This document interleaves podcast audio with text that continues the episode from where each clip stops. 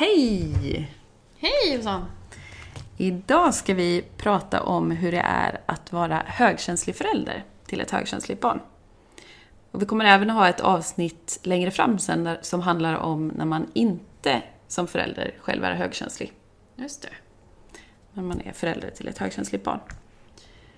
Och det här med att man är högkänslig och förälder till ett högkänsligt barn är ju ganska vanligt eftersom eh, högkänslighet är ett ärftligt drag. Eh, och då ger det sig naturligt att oftast är den ena, åtminstone av föräldrarna, högkänslig. Mm.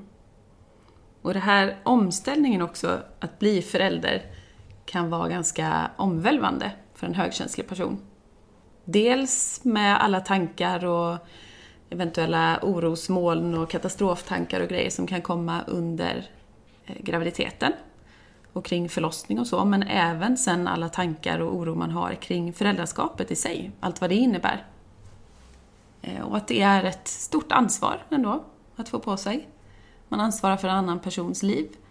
Eh, och jag vet när jag var gravid första gången med min son, då eh, tog vi reda på, på ultraljudet vad det var för kön. Och jag var väldigt inställd på att det skulle vara en flicka. Jag hade lättare att liksom relatera till det. Vi är tre systrar, min äldsta syster hade två döttrar och så. Eh, Så att jag tänkte att men det är ju en tjej. Och så visade på ultraljudet att det var en kille. Och jag fick eh, lite smått panik.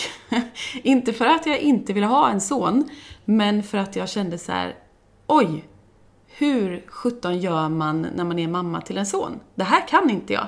Vad har jag ens för någon liksom, modell att titta på och få liksom, inspiration ifrån?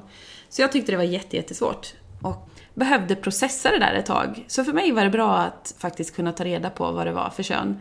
Jag ville kunna förbereda mig på det. Jag ville inte ha den överraskningen vid förlossningen. Utan behövde liksom kunna sätta mig in i att okej, det här blir bra. Det här löser jag. Det, här är, det spelar ingen roll om det är en flicka eller pojke för att det är inte det som föräldraskapet sitter i liksom, utan det, det kommer lösa sig. Så att, eh, ja, det blev ju bra till sist, men jag vet att jag kämpade väldigt mycket med mina egna tankar och eh, framförallt orostankar och kring det här att, ja, men kommer jag kunna räcka till? Kan jag vara en bra förebild för en son? Hur gör man? Hur funkar killar? ja men så. Ja. Och nu har ju vi en av varje, så nu har jag en son och en dotter och jag tycker att det är jättespännande att faktiskt få liksom ta del av ja, men båda, både, både och. Liksom. Både hur det, är, hur det kan vara att vara en pojke och hur det kan vara att vara en flicka och liksom våra relationer. Och jag upplever att jag har lika nära relation till båda mina barn, så att det är ingen liksom, skillnad så. Och sen vet jag ju att många Många säger det också, att den här relationen mellan mamma och son många gånger kan vara ganska speciell. Även såklart mellan mamma och dotter, för då kanske det finns mer igenkänning och så också. Men att också det här mamma-son-bandet också kan vara något väldigt fint. Jag känner igen mig det i, både och. Alltså, både igenkänningen kanske till viss del med min dotter, men också med min son, för han är på många sätt ganska lik mig. Så att för mig var det en stor omställning att bli förälder, men jag tyckte det var mycket skönare andra gången. För då hade vi redan, då hade vi redan landat i våra roller som föräldrar. Jag visste vad det innebar att vara förälder. Och jag kände att så här, ja men nu, nu är det inte så mycket nytt på det sättet. Även om det såklart är nytt också att faktiskt bli tvåbarnsförälder. Och det var ju en stor skillnad tycker jag, från att ha ett barn. Men jag kände mig mycket mer trygg i min roll som förälder. Och det var inte så mycket på det sättet som jag behövde göra för första gången. För just det här med att göra saker för första gången kan ju också vara ganska jobbigt för en högkänslig person. Mm. Att sådär, hur funkar det här liksom? Hur gör man? Så att för mig var det, var det lättare andra gången. Men det var väldigt intressant det du sa här, för att jag tänker det här med... Jag hade längtat rätt mycket efter barn, så jag var rätt inställd på, och vi är en stor familj och jag är yngst och hade många syskonbarn, så jag längtade efter barn. Och det här med att du sa det här med könet och sånt, jag var, det var ju lite så här att många tycker liksom att man inte ska ta reda på vad det är för något kön innan. Så det var min man rätt inställd på att nej men det ska man inte ta reda på. Det, och jag hade nog gärna velat det, för det hade känts liksom mer så att jag kunde förbereda mig. Just det. Eh, Jag var helt förberedd på att det var en, en kille. Och så fick jag en tjej. Och det var också väldigt, eh, det var ju jättehärligt men, eh, och det hade inte spelat så stor roll vilket, men det var ändå så, jag hade nog hellre velat förbereda mig Mm. så att jag hade kunnat veta. Ja, för ni tog inte reda på det då? Nej, Nej. jag gjorde inte det. Nej. Jag är nog inte så mycket för överraskningar så sett generellt och det tror jag också är ganska vanligt bland högkänsliga. Mm. Att man gärna vill kunna ställa sig in på något, förbereda sig. Och det handlar ju också om den här djupa bearbetningen som vi har. Att vi reflekterar mycket, många, många saker som vi tror att vi har varit med om, höll jag på att säga, men det har vi bara varit med om i tanken för att vi har redan föreställt oss hur det skulle kunna bli. Och det är också det som ibland ställer till, ställer till det för oss när det blir på ett annat sätt. att Det här med att hantera besvikelser. Mm. För- Förväntningarna grusas liksom. När vi var på ultraljudet då eh, med första barnet så kunde man inte riktigt eller de, eh, då sa min man direkt men vi vill inte veta och sen så såg man inte så mycket på ultraljudet så heller. Eh, och är det en tjej så är det ofta svårare för dem att veta. Mm. Och sen andra gången då när vi skulle ha barn igen, då, eh, då tittade vi och då tyckte han, nej men vi, vi tittar inte den här gången heller. Men då var det så Var himla uppenbart? uppenbart. Hon tog någon 3D-bild och då, och då låg verkligen den flashade så det var liksom omöjligt, vi skrattade rätt mycket bara, ja okej. så att Det är ingen eh, han avslöjar sig själv. Ja? Ja, då var det Ja, inte så så lätt att behålla överraskningen. Precis. Sen var det ju en annan sak som vi tänkte på det här med just att vara högkänslig är ju, ja, man, man pratar mycket om att uppfylla grundbehoven som mat och sömn och att de är viktiga för att man själv inte ska bli överstimulerad. Och det här med väldigt lite sömn kan ju vara tufft när man är småbarnsförälder. Vi fick två barn som sov väldigt dåligt, de hade problem med öronen, med hörselgångar som var väldigt förkylda och så. Och då eh, fick röra i öronen sen. Då sov de i alla fall väldigt dåligt i början. Och det där var ju tufft. Och just det, inte få sova. Mm. Hur påverkades du av det? Ja men det funkade bra ett tag, men sen blir man ju... eh, Jag kommer ihåg ett tag när man var vaken fem varje morgon. Och även hade vi... Vi hade en period då min dotter var vaken en gång i timmen. Så man var ju uppe en gång i Shit, timmen. det är ju tortyr. Alltså egentligen. Ja, en gång i timmen och sen var vaken klockan fem. Då vet jag, då var det väldigt tufft. Mm. Då var jag väldigt trött. Jag har också haft en man som åkt iväg väldigt mycket när barnen varit små. Eh, Och då hade han varit iväg flera veckor. Så då vet jag att jag var verkligen Som en zombie. supertrött. ja, och då fick jag faktiskt hjälpa min mamma att hon gick ut med barnvagnen lite så att jag försökte få lite sömn extra i alla fall. Mm. Ja, och sen så pratar man ju mycket om det här med se till att vila när barnet sover och vila på dagen liksom. Men det är inte alltid så lätt heller. Nej. Jag tyckte att det var nästan det jobbigaste med det tyckte jag var det här. Jag visste inte vad jag skulle förvänta mig för jag visste inte hur länge de skulle sova. Kommer de sova en halvtimme eller två timmar eller alltså när de var små. Så att jag tyckte det var jättesvårt att veta så här, okej men hinner jag duscha, städa och vila? hinner jag ta disken? Eller ska jag bara vila en stund? Eller liksom, vad ska jag prioritera? Så för mig var det jättesvårt just det här inte, inte ha ramar på det sättet, utan det kunde bli vilket som. Och det kunde bli att jag fick sluta du vet, mitt i städningen, mitt i disken och sånt. Och jag är så som person så att jag tycker det är rätt skönt att göra klart grejer och så vet jag att nu är det färdigt. Och det visste man ju aldrig. Nej. Det var ju som att ha en ständig så här väckarklocka tickande på axeln och man visste inte när den skulle ringa liksom. Så det kommer jag ihåg att jag hade jättesvårt att anpassa mig efter det här. Vad är det för tider och ramar och grejer som gäller och när ska jag liksom vila och när ska jag hinna göra alla de där grejerna som jag inte hinner göra när barnet är vaket liksom. Ja, och det du säger också att man skulle passa på att vila när barnet sover. Det var ju ofta, hade man ju börjat komma igång dagen då, då har jag lite svårt att gå och lägga mig direkt. Att ja, men nu är hon halv tolv på dagen, nu ska jag gå och sova. Det funkar inte för mig. Och Nej. jag behövde gärna eh, miljöombyte. Jag tyckte det var svårt att vara hemma hela, hela tiden. Så jag ville kanske iväg och hitta på någonting också ibland. Och då var det... Ja, det var svårt att hitta det där. Då var det ju kanske Vila. ofta förmiddagarna också som man var iväg, tänker jag. Mm, annars kunde jag bli uttråkad av Mm. bara gå hemma. Och jag vet att jag var med också i någon sån eh, föräldragrupp, eller vi som gick i samma BVC-grupp. Och de flesta där hade barn sedan tidigare. Och vi var ute någon gång och gick promenader ihop och sådär. Och jag tyckte det var så svårt för att jag... De ville ju ofta gå ganska tidigt på morgonen. Eh, när de hade lämnat sina barn på skolan eller förskolan och så. Och jag är ju dels morgontrött.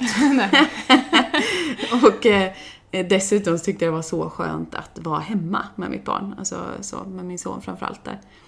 Så att jag hade ju hellre haft så här, kan vi gå en promenad vid 12 liksom? Men det var ju värdelös tid för dem. Mm. Så jag hamnade aldrig riktigt i synk liksom. Jag hade så svårt att liksom jag få till det där. Gå ut och gå liksom klockan åtta på morgonen, då var jag ju helt slut. Eh, Men som sagt, jag hade ju inte det här behovet på samma sätt att vara ute och träffa folk eller gå på aktiviteter och så. Utan jag tyckte det var jätteskönt att vara hemma och hitta min egen liksom, eh, dygnsrytm med min son. Och jag märkte ju att han också mådde bra av att vara hemma i lugn och ro med mig. Han hade inte heller så mycket behov av liksom, den här sociala stimulansen. Och det märkte jag ju ibland när vi var på vissa sådana gemensamma träffar, att han, han eh, tyckte att det blev för stökigt, liksom, för mycket ljud och så. Mm. Jag vet att vi, jag tror vi har pratat om det här i något tidigare avsnitt också. Men ehm, det, det hör ju verkligen ihop med det här ämnet som vi pratar om idag. Just faktiskt med föräldraskapet. Ja men verkligen. Och det här med att högkänsliga har ju oftast lite mer behov att kanske gå undan och vara för sig själv och, och hämta, hämta, hämta liksom kraft. Det, ehm, det är inte alltid så lätt, speciellt när de är väldigt små. Och där kan det ju vara att man faktiskt ska tänka på att det är inte själviskt och ibland behöva vara för sig själv eller eh, dra sig undan en stund. För att det är lite som det här med eh, att man ska sätta syrgasmasken på sig själv innan man hjälper någon annan. Att eh, Mm. verkligen ta hand om sig själv även när man är förälder. Inte alltid prioritera alla andra före sig Mm. själv. Det är något att tänka på när man är högkänslig förälder. Ja, verkligen. Och jag, jag har ju alltid sagt det att egen tid för mig är typ lika viktigt som att äta och sova. Annars så funkar inte jag som människa. Annars så mår jag inte bra i mig själv och jag orkar inte heller vara en trevlig person mot andra. Så jag behöver verkligen få den där återhämtningstiden. Att bara låta saker få landa i lugn och ro och få en paus. Och det tyckte jag var svårt, framförallt när barnen var små. Alltså för då var det hela tiden någonting som hände liksom. Ja, Det var full rulle. Ja, och sen också att eh, jag är en sån person som tycker om väldigt mycket fysiskt beröring. Men det är ju många som tycker att det, är, som jag har förstått, tycker det är ganska jobbigt att barnen liksom klänger på hela tiden. Att just det här, låta mig få vara lite själv och sådär. Mm. Annars kan ju det vara en fantastisk grej just med högkänsliga barn, att de är ofta väldigt gosiga och kommer upp i famnen och rätt högt upp i åldrarna, sitta i knät Verkligen. och Mm. mysa och, och sådär. Det är ju en, en fin grej som både som högkänslig förälder till... Ja men verkligen. Vi brukar ju oftast eh, ligga jämte dem när vi nattar dem just nu. Och läsa bok och alltså, vi lyssnar på någon lugn musik och lite sådär. Och då brukar jag fråga om de vill att jag ska klia dem på ryggen. Och där säger de ibland så här: nej jag vill bara kramas istället. Så ligger vi och kramas en stund och sen så eh, går jag ut mot slutet där och så liksom somnar de själva. eh, Fast tillsammans då. Så att, ja, ibland är det verkligen det här gosbehovet också. Vilket egentligen passar mig väldigt bra. Jag har alltid, alltid tyckt att det varit väldigt mysigt att gosa liksom. Jag är nog ganska så, i alla fall med mina närmsta. Så jag är nog ganska kramig sådär. Mm. Så det, det är mysigt, för det får man ju verkligen det behovet. Men som sagt, det händer ju ibland också att man bara känner så här. Ah, ge mig space! Jag orkar inte ha någon i knät hela tiden, nu vill jag bara få sitta lite själv. Mm. Eh, Så det, och det är väl kanske framförallt också när man själv är överstimulerad. När man faktiskt behöver få lite space själv. Mm. En annan sak som eh, just som högkänslig förälder är att många högkänsliga är ju lite känsliga för andras dömande och tyckande och, och kritik och så. Och det kan vara ju tufft just som högkänslig förälder att, eh, att det är många som tycker på hur man ska vara som förälder eller vad som är rätt att göra i uppfostran och vad Massa åsikter och dömande och sanningar finns det ju ute i samhället och från andra runt omkring. Så där är det ju verkligen att lyssna på sin inre kompass. och Mm, Tro vad som på sin funkar. egen magkänsla. Ja, vad som funkar och Mm. att verkligen tro på det också, att jag känner mitt eget barn bäst. Mm. Våga lita på det. Det vet jag ju också att mamma har sagt när, eh, när de hade fått min äldsta stora syster. Eh, Och mamma är ju också högkänslig och visste ju inte riktigt liksom, ja men hur gör man första gången med barn och hur ska de sova och hur sover de bäst? Och, och det här var ju slutet på 70-talet och då vet jag att min farmor hon jobbade som barnmorska så hon hade ju sin liksom, professionella syn på saker och ting. Och samtidigt som min mormor pratade utifrån sin erfarenhet med sina två barn då. Och jag kommer ihåg att mamma berättat det, att hon kände sig så kluven. och stod där i mitten och bara, vem ska jag lyssna på? Och många gånger sa de precis raka motsatsen till vad den andra sa. Mm. Så här, ja men det är bra för barnet att sova på mage. Nej, de ska absolut inte sova på mage. Alltså du vet, där är det inte så lätt som högkänslig att veta så här, vem sjutton ska jag lyssna på? Mm. För jag vill ju bara göra det bästa för mitt barn. Sen fick de ju då min andra stora syster och mig sen och då var det nog lättare när hon liksom hade mer blivit eh, varm i kläderna som förälder själv och liksom kände att men jag vet att det här funkar liksom. Det här tror jag på är bäst för mitt barn. Men jag vet att hon berättade det, att just med första barnet så var det svårt och när det var väldigt mycket tyckanden och tips och men så där ska du inte göra och men lyssna på mig, jag har ju faktiskt fyra barn liksom. Jag kan det här. Nej men jag kan också det här. Alltså så. Det är inte helt lätt. Men jag tror precis som du säger att man, man kommer nog längst trots allt och faktiskt lyssna på sin egen magkänsla. Mm. Det här känns lätt i hjärtat för mig att göra på det här sättet.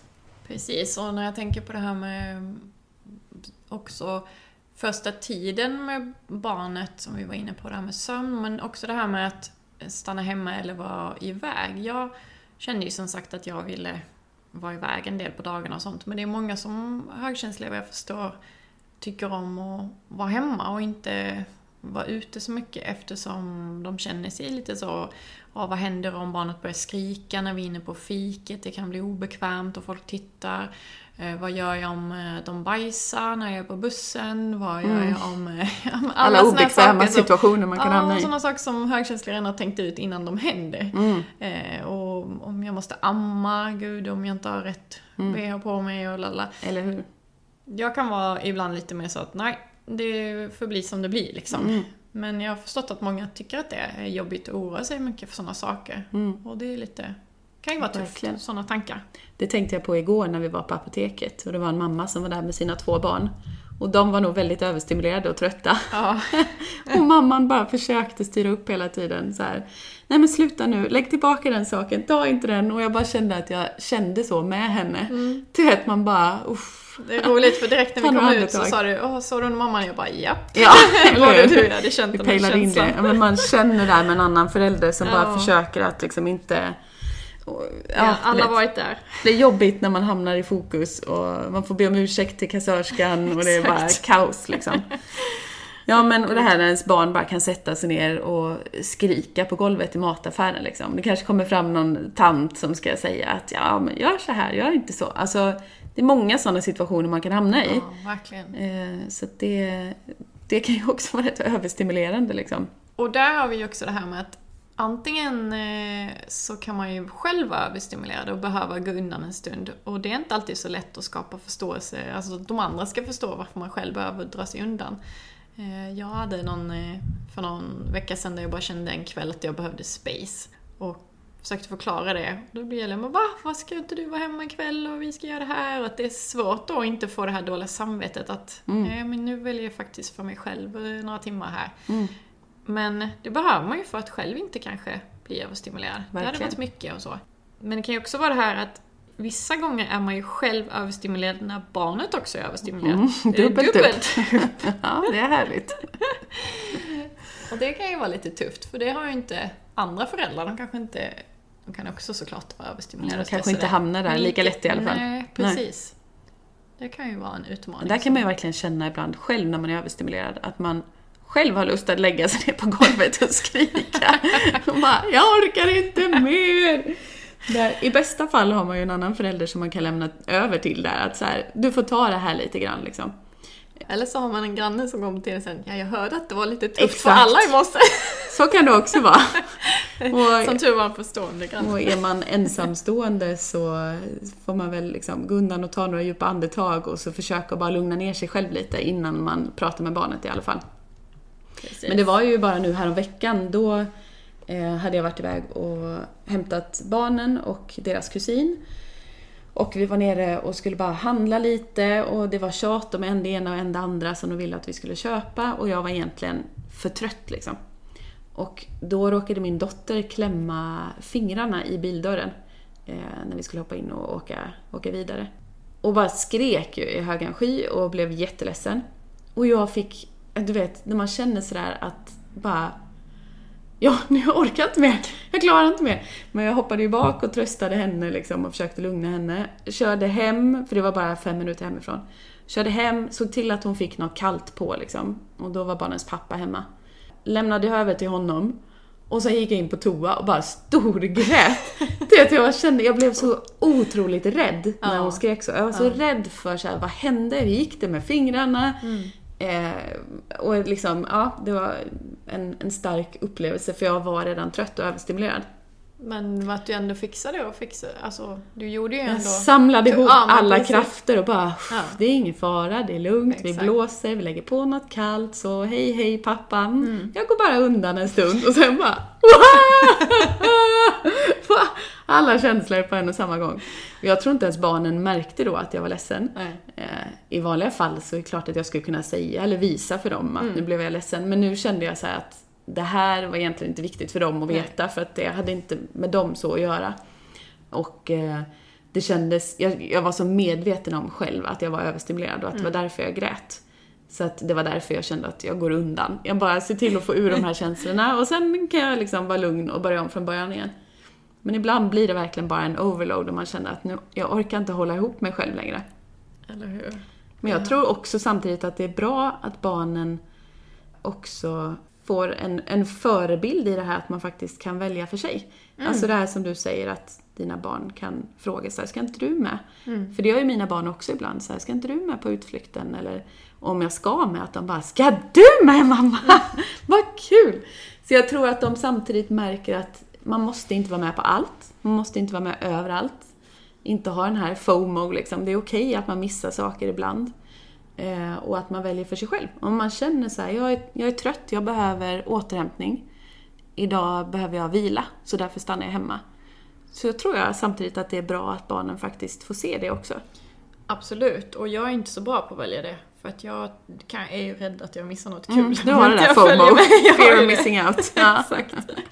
Ja. Så att, eh, men det är som du säger, det är bra ibland. Så Ja. därför blir de ju chockade om jag, om jag ska iväg. Va? Ja, men precis. För mina är det nästan som sagt tvärtom. För att jag Jag förstår det. eh, brukar inte vara med på allt liksom. Sen är det klart att vi gör utflykter och sådär som, som familj ihop allihopa också. Men ibland kanske de åker iväg liksom och fiskar själv med pappa eller gör något. Och ibland åker de iväg själva med mig så. Mm. Så att det tycker jag är ganska skönt att man kan dela upp sig ibland också. Mm. Ibland kan jag ha en kväll hemma själv och så åker eh, min man med barnen och kanske käkar middag hos hans föräldrar eller något liksom. Mm. Ja men det, så, Så gör vi också space. ibland. Och det är ju, det tycker jag är bra om alla, och, men det är ju också mycket tyckande kring det kan ju vara. Varför Mm. är inte den med? Varför är det så? Ja men precis. jag tror det är fint för, för barnen också att få vara själv med den ena föräldern ibland. Och Mm. Och jag börjar ändå landa mer och mer i det, att det kanske inte är så himla farligt om folk har lite tyckanden. Nej, Då kan de väl få tycka det då. Exakt. Så länge jag känner att jag väljer för mig och att jag mår, mår bra i det liksom. Ja, Eh, precis. och inte liksom sårar eller skadar någon annan. Så Verkligen. får de väl tycka det. Mm. Vi har också tittat lite i Elaine Aron och hennes eh, bok om det högkänsliga barnet, just det här med lite fördelar om man är högkänslig förälder till ett högkänsligt barn. Och en av fördelarna är just det här med att man förstår barnens upplevelse.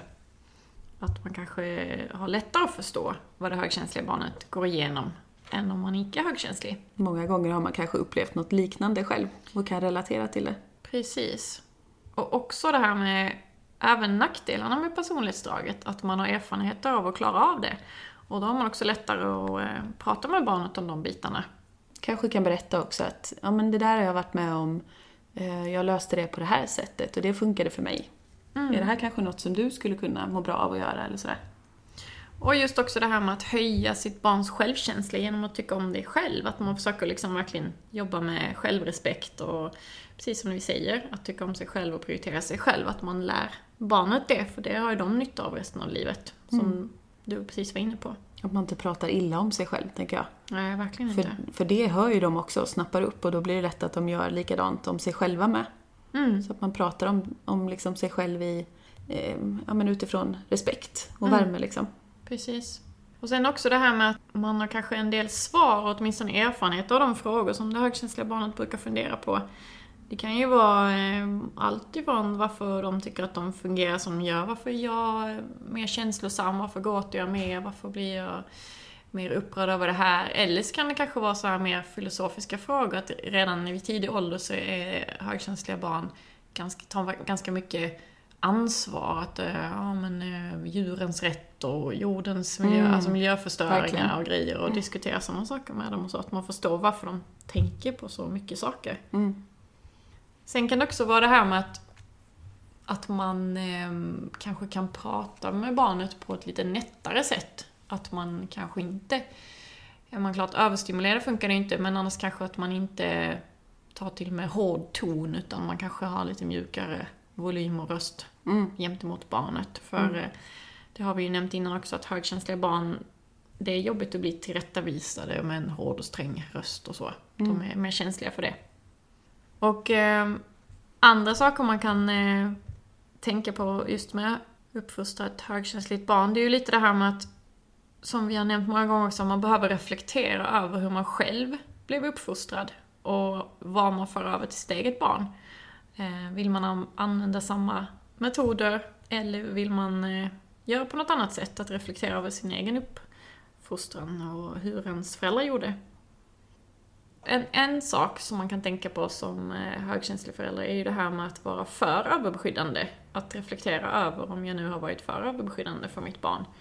Lätt, Att, man kan lätt curla dem lite. För Ja, att man inte vill att de ska bli överstimulerade eller precis. känna jobbiga känslor. Så.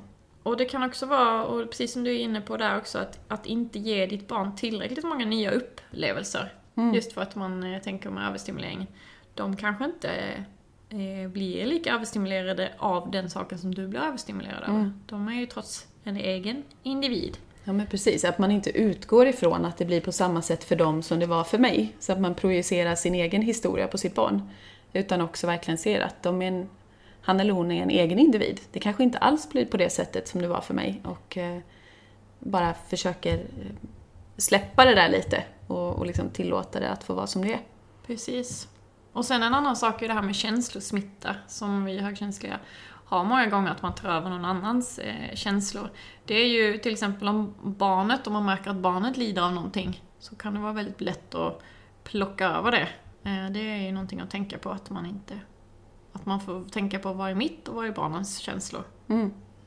Sen en annan sak som vissa högkänsliga lider med är ju kanske det här med dålig självkänsla, att våga ta plats. Och att det kanske är viktigt ibland att, nej, nu ska jag ta den här platsen för mitt barns skull. Att, Mm. eh, att våga stå på sig och säga nej, men det här ser jag att mitt barn inte vill. Att man vågar höja sin röst där Mm. och ge sig in i obehaget av att se ifrån. Precis. Och sen också att man kan prata positivt om högkänslighet. Har man då negativa känslor själv om högkänslighet, då är det ju lätt att man överför dem på det högkänsliga barnet. Mm. Och en sista sak som jag tänker på är det här med att, att man får utgå från att det finns ju mycket likheter förmodligen mellan barnet och dig, men det kan också finnas olika saker. Att eh, de har ju en förälder till och att eh, alla saker som jag upplever och känner kanske inte mitt barn gör. Som vi var Exakt. inne på, verkligen tänka på det, Mm. att det kan vara olika. Precis. Och vi kommer ju faktiskt fördjupa oss ännu mer i det här, i det här retreatet som du och jag ska hålla utanför Laholm på Säby Holmsgård den 6-8 november. Mm. Eh, Och då är det ju ett retreat som riktar sig till föräldrar till högkänsliga barn. Oavsett om man själv som förälder är högkänslig eller inte så är man välkommen. Och där så kommer vi ju fokusera på dels ja, men, prata och beskriva mer kring personlighetsdraget högkänslighet och eh, vad som utmärker ett högkänsligt barn. Prata om både fördelar men också utmaningar. Och överstimulering och hur man kan förebygga och hantera det och sådär. Så att det kommer ju vara en blandning av både teori men också praktiska övningar och gemensamma reflektionsövningar. Och eh, även avslappningsövningar för att man själv som förälder också ska få lite andrum att ta hand om sig själv. För det kan man ju faktiskt glömma bort ibland när man har ett högkänsligt barn. Och sen också det här med att man eh, själv kan få lite tips och tricks om sina egna Precis. frågor som man har och så, som inte blir riktigt på samma sätt här i podden. Då är Mm. ju du och jag som, det är ju envägskommunikation här. Mm, exakt. Och där har man ju verkligen möjlighet att träffa andra föräldrar till högkänsliga barn och Mm. utbyta erfarenheter och tips. Mm. Och känna att man inte faktiskt är ensam i den rollen. Och nu även om det är coronatid så har vi bestämt att vi ska ha det här för att man kommer att bo ensamma i varsitt rum och vi kommer ha stor plats och sånt. Vi tar inte så många deltagare så att eh, Precis. vill man passa på nu när det är lite färre så ska man passa på att gå nu. Ja men precis, och det är en fantastisk fin miljö. eh, Med nästan parkliknande trädgård och det ligger ute på landet. Jag och min syster hade ju ett retreat där nu eh, i stresshantering för högkänsliga i augusti. Och eh, ja, men det var superhärligt. Jag gillar verkligen den miljön jättemycket. Det är fint både inomhus och utomhus där. Så det får man gärna höra av sig till eh, någon av oss om man är nyfiken mer på det. Så kan man också gå in och läsa på våra hemsidor. Absolut. Min heter ju tankaromhögkänslighet.se. Vad heter din? www.hogkänslighetscoachen.nu Ja. Och vill man mejla direkt till oss så kan man mejla mig på josefine tankaromhogkänslighet.se. Och Josefin med F. Och till mig så är det Martina at hogkänslighetscoachen.nu. Och eh, ni får jättegärna mejla in eh, några frågor ni har och sådär och om det är något speciellt ämne ni vill att vi ska ta upp i podden. Så hör bara av er. Kan hända också längre fram att det kanske blir ett frågeavsnitt. Vi samlar ihop några frågor. Så att, eh, hör gärna av er om det är någonting särskilt som ni undrar över eller skulle behöva tips och råd kring.